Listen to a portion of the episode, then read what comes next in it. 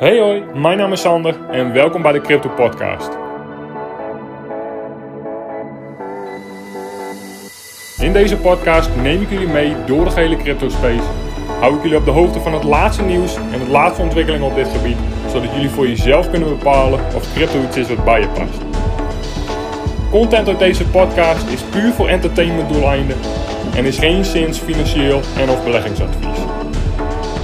Welkom en heel veel luisterplezier.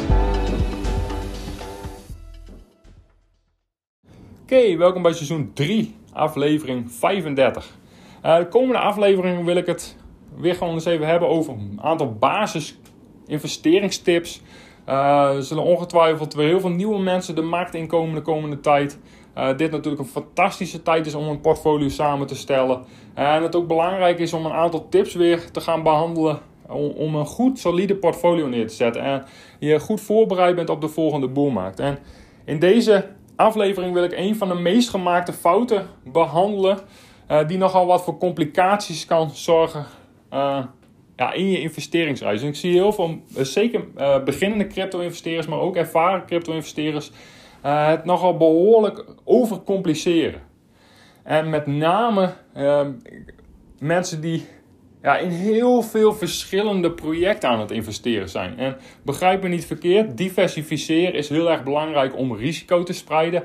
Maar je moet je crypto portfolio ook niet behandelen alsof je alle Pokémon wil verzamelen.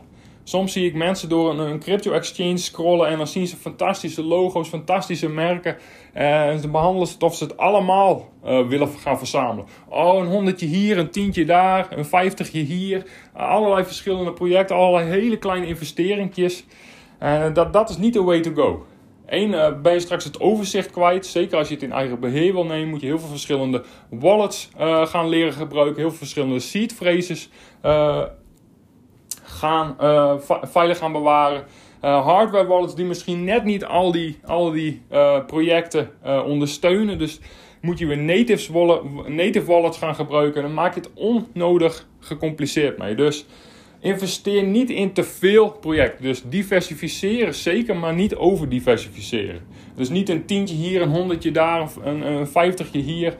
dat, dat, dat, dan maak je het onnodig gecompliceerd en dat is zeker niet nodig. Dus een crypto portfolio uh, samenstellen is niet uh, verzamel alle Pokémon, maar is goed gedegen onderzoek en bewust keuzes maken voor bepaalde projecten. Of omdat je die snapt, of omdat je daar voorkeur aan hebt, omdat je daar heel veel potentie in ziet. En met name ook, en dat vind ik zelf heel erg belangrijk, omdat je weet hoe je die projecten voor je kan gebruiken. Dan heb ik het met name over staking, governance, airdrops zodat je bovenop jouw investering ook nog compound interest krijgt, met name in staking rewards.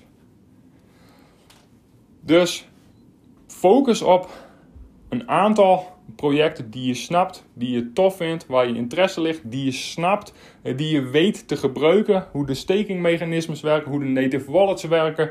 Um, dat, dan ga je daar op de lange termijn veel meer uithalen dan in heel veel verschillende projectjes, hele kleine bedragen te, te investeren.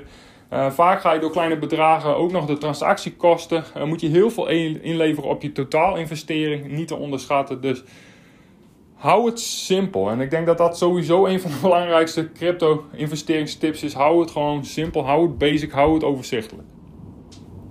En waar moet je dan aan denken? Dat vragen dan heel veel mensen me. Ja, Sander, hoe, waar, praten we dan over?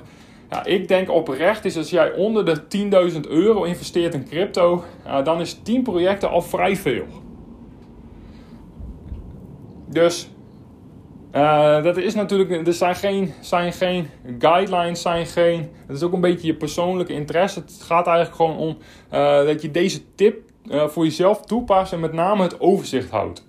Met name de crypto projecten waar je in investeert ook echt gaat gebruiken. Want ik zie heel veel, zeker beginnende crypto investeerders, nou, maken daar ook nog toch nog wel veel te weinig gebruik van. Uh, natuurlijk moet je wel goed weten hoe het werkt, wat de eventuele risico's zouden kunnen zijn uh, van staking. En staking over tijd ja, gaat enorm bijdragen aan de winst die jij op de langere termijn maakt op jouw investering.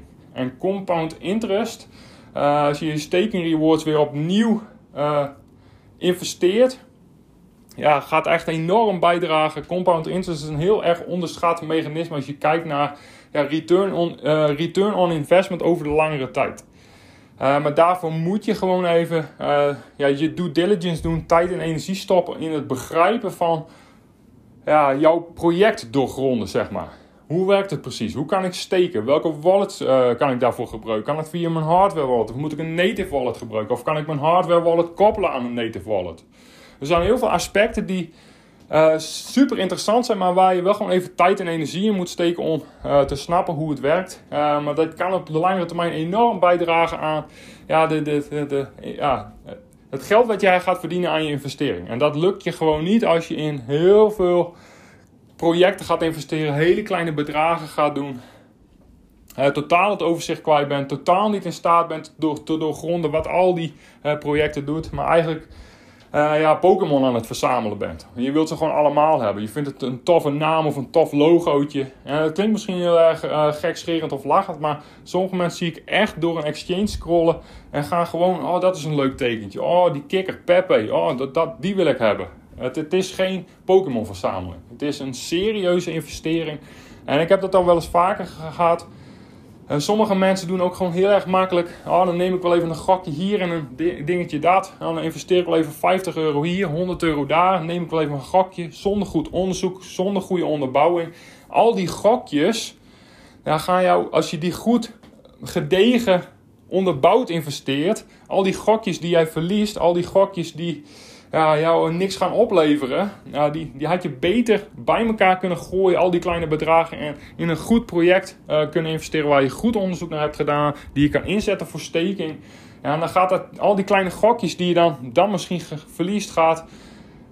Ja, je, zie het niet als gokjes. Dat die, al die kleine bedragen samen kunnen in crypto echt een serieus bedrag gaan vormen als je dat gewoon goed uh, investeert. En een serieuze crypto-investeerder zijn heeft niks te maken met hoeveelheid geld die jij investeert, maar heeft te maken met hoe jij het aanpakt. Hoe jij invested bent in, in, in ja, probeert te doorgronden hoe het werkt. Dus uh, ja, dat bedrag is eigenlijk niet zo heel erg interessant. Maar hoe serieus ga je ermee om? Hoe serieus neem je het? Hoe, hoeveel tijd en energie steek je in het doorgronden van bepaalde mechanismes? En dan heb ik het met name over staking. En heb ik het nog niet eens over airdrops. Uh, dat is daar heb ik het al wel eens over gehad, maar dat is misschien voor iets voor een andere aflevering. Maar her en der is het, is het ja, gaan al die kleine bedragen samen gewoon een enorm verschil maken op de lange termijn. Als je dat gewoon serieus neemt. Uh, niet een tientje weggooit of een honderdje weggooit aan een gokje of aan iets. Ah, dat, dat, dat, dat, kan me eigenlijk niet zo heel veel schelen. Dat zegt dus iets over de manier waarop je bezig bent met je investeren. En ben je, uh, ga je naar het casino of neem je dit serieus? Zie je dit echt als als investeringen echt iets wat, ja, wat jouw financiële positie in de toekomst kan veranderen. En dan gaat het over uh, tijd investeren, snappen waar je mee bezig bent, kennis opdoen. Dat heeft niks te maken met hoeveelheid geld. Uh, maar even terugkomend op, op mijn tip, hou het vooral heel erg simpel. Investeer niet in te veel projecten. Natuurlijk diversificeren om risico te spreiden, wat ik al zei, maar uh, pak gewoon een aantal projecten die je snapt, waar je goed onderzoek naar hebt gedaan, waar je, eigenlijk van de hoed en de rand weet hoe het werkt, uh, die, die je tof vindt, die bij je passen, uh, waar je heel veel potentie zit in, in de volgende boelmarkt. En focus je erop om, om ja, meer te weten te komen over dat project, hoe het werkt, hoe je het voor, voor je kan gebruiken. echt vooral dat staking. Super interessant om je in ieder geval daarin te verdiepen. wat, hoe werkt het? Wat zijn de eventuele risico's? Hoe kan ik het inrichten? Uh, welke wallets heb ik nodig? Eigenlijk alles wat ik net al beschreven heb. Uh, maar uh, nogmaals, wat ik al zei, onder de 10.000 euro. Eigenlijk 10 projecten 1000 euro in investeren, is eigenlijk al vrij veel. Vijf projecten onder de 10.000 euro is, is een prima aantal wat je goed kan uh, goed kan overzien, waar je goed onderzoek naar kan doen, hou je het goed overzichtelijk om je gewoon een aantal handvatten te geven. Nogmaals, het zijn geen richtlijnen. Uh, nogmaals, het is ook een persoonlijke voorkeur, maar jullie snappen het punt van deze uh, podcast.